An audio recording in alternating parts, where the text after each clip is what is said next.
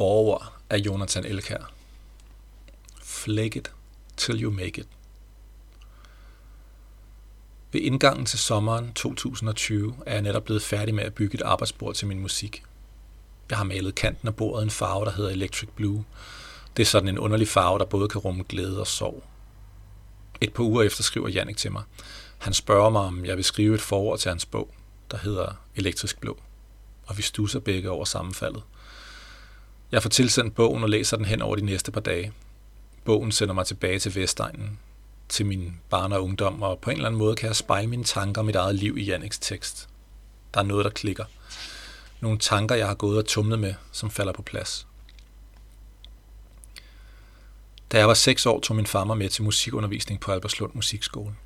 Min far havde på daværende tidspunkt forelsket sig i kretensisk folkemusik, og var mere eller mindre konverteret til græker og syntes, at jeg skulle spille violin.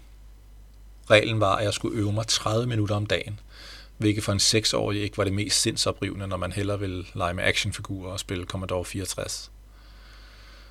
Som 10-årig begyndte jeg i Bakkens Hjerte, en fritids- og ungdomsklub i den nordlige del af Alberslund i hjertet af Galjebakken. Jørgen Let, Paul Nyrup, Mogens Lykketoft, Anders Mattesen og andet godt folk var i perioder også bosat på Galjebakken, som op igennem 70'erne og 80'erne var en slags enklave af folk, herunder mine forældre, der var modstandere af atomkraft, liberalisme, nationalisme og alt man kunne forbinde med borgerskabet.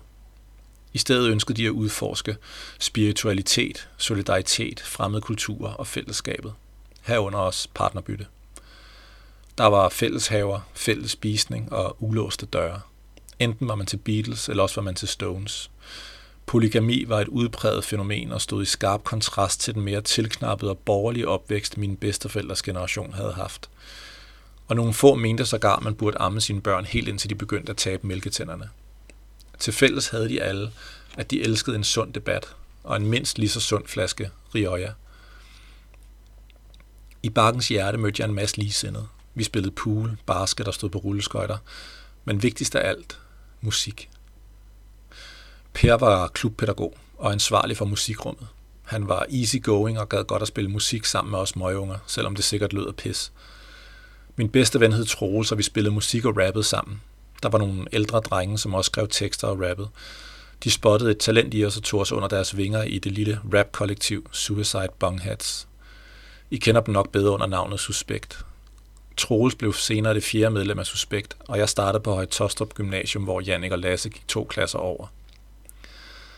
Jeg oplevede mine venner få hæsblæsende succes med deres musik, mens jeg måtte nøjes med at være en hangaround på sidelinjen, der godt nok også lavede musik, men mest for sjov.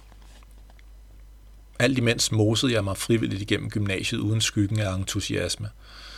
Højdepunktet i gymnasiet var, da min eneste rigtige ven i klassen og jeg tændte op i en joint midt i danstimen, uden at læreren formåede at opdage det. Lavpunktet var, da den samme ven knaldede den pige fra klassen, som jeg, som jeg var vild med, og var begyndt at se. Jeg havde valgt musik på højniveau, men kom hverken godt ud af det socialt eller musikalsk med de andre forholdet. Ligesom mine forældre havde gjort oprør imod borgerskabet, gjorde jeg nu oprør imod alle former for autoriteter og institutioner, jeg befandt mig i. Et patetisk oprør på en knap så højt niveau, som ingen steder ført hen, for jeg kunne blot forlade gymnasiet, hvis jeg ikke gad at være der. Efter et par sabbatår som lærervikar og weekendkriger, fortsatte jeg videre af samme kurs og søgte ind på RUK, uden helt at vide hvorfor, hvilket faktisk skulle vise sig at være den rigtige medicin mod min hårde og forsnørrede Albertslund-facade. For at kunne tjene til huslejen og weekendens udskejelser, der bestod af fryse, pizza, øl og privatfester, underviste jeg, ligesom mine allierede weekendkrigere, skoleelever, som blot var 3-4 år yngre end mig selv. I 20'erne, mens jeg læste på RUK, fik jeg et job som IT-supporter i en privat virksomhed. Jeg er blevet færm til computer gennem musikproduktion, og det kunne jeg så drage nyt af her. Men jeg var elendig til kundeservice, og havde ingen passion for jobbet, som også blev mit sidste. Jeg har senere hen lavet mig fortælle, at min daværende chef nærmest var stolt over at have fyret mig, fordi jeg umiddelbart efter fik succes med mit eget projekt, Flake. Jeg har haft musik tæt inde på kroppen, siden jeg blev født. Alligevel endte jeg med først at blive fuldtidsmusiker i en alder af 30. I en branche, som nok mere end nogen anden branche er opsat på at udklæde, udklække talenter så tidligt som muligt. Jeg har tit spekuleret over, hvad udfaldet havde været, hvis jeg havde skippet gymnasiet, universitetet og i stedet havde lavet musik på fuld tid. direkte efter folkeskolen. Havde det bragt mig tættere på mine ambitioner i en tidligere alder, eller havde det afskrækket mig fra at forfølge dem?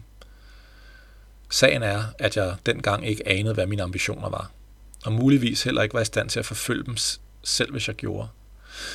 Jeg havde brug for, at omverdenen definerede rammerne og traf valgene for mig, da jeg ikke selv var i stand til at sætte dem.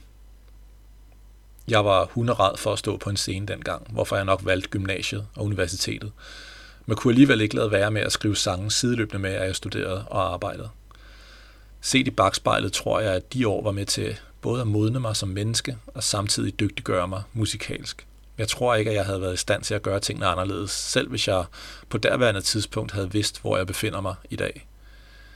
Og jeg er fuldkommen overbevist om, at jeg aldrig kunne have skrevet og produceret de sange, som i dag betaler min husleje uden min modningsår og de 30 minutters påtvungen violinøvning.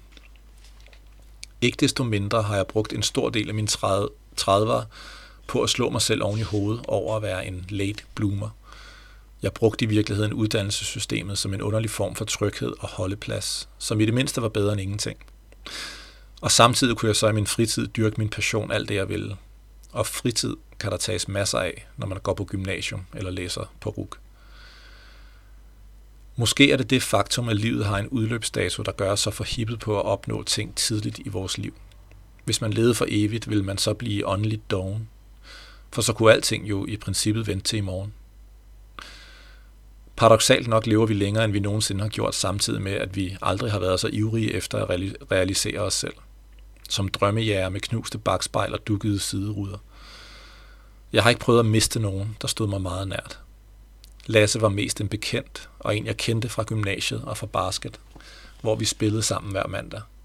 Jeg husker tydeligt det efterår, hvor Lasse, som ellers var en habil basketspiller, pludselig begyndte at fumle med bolden til træning. Der var stor konkurrence til hver træning, så Lasse han kom til at høre for det. Og mange troede i starten, at han havde mistet grebet og lysten til at spille. Det var først senere, det gik op for os, hvad årsagen i virkeligheden var. For Jannik var det et wake-up call at miste sin bedste ven. Det var her, han fik mod til at forfølge sin drøm om at blive forfatter. For mig var det at blive fyret, velvidende at disse to hændelser på ingen måde kan sidestilles. Men jeg tror, at nogle mennesker har brug for en lussing af livet, før de vågner op og tør springe derud, hvor man ikke aner, hvor man lander. Der, hvor det føles så forbandet elektrisk at få luft under vingerne. Den 11. juni 2020. Jonathan Elkær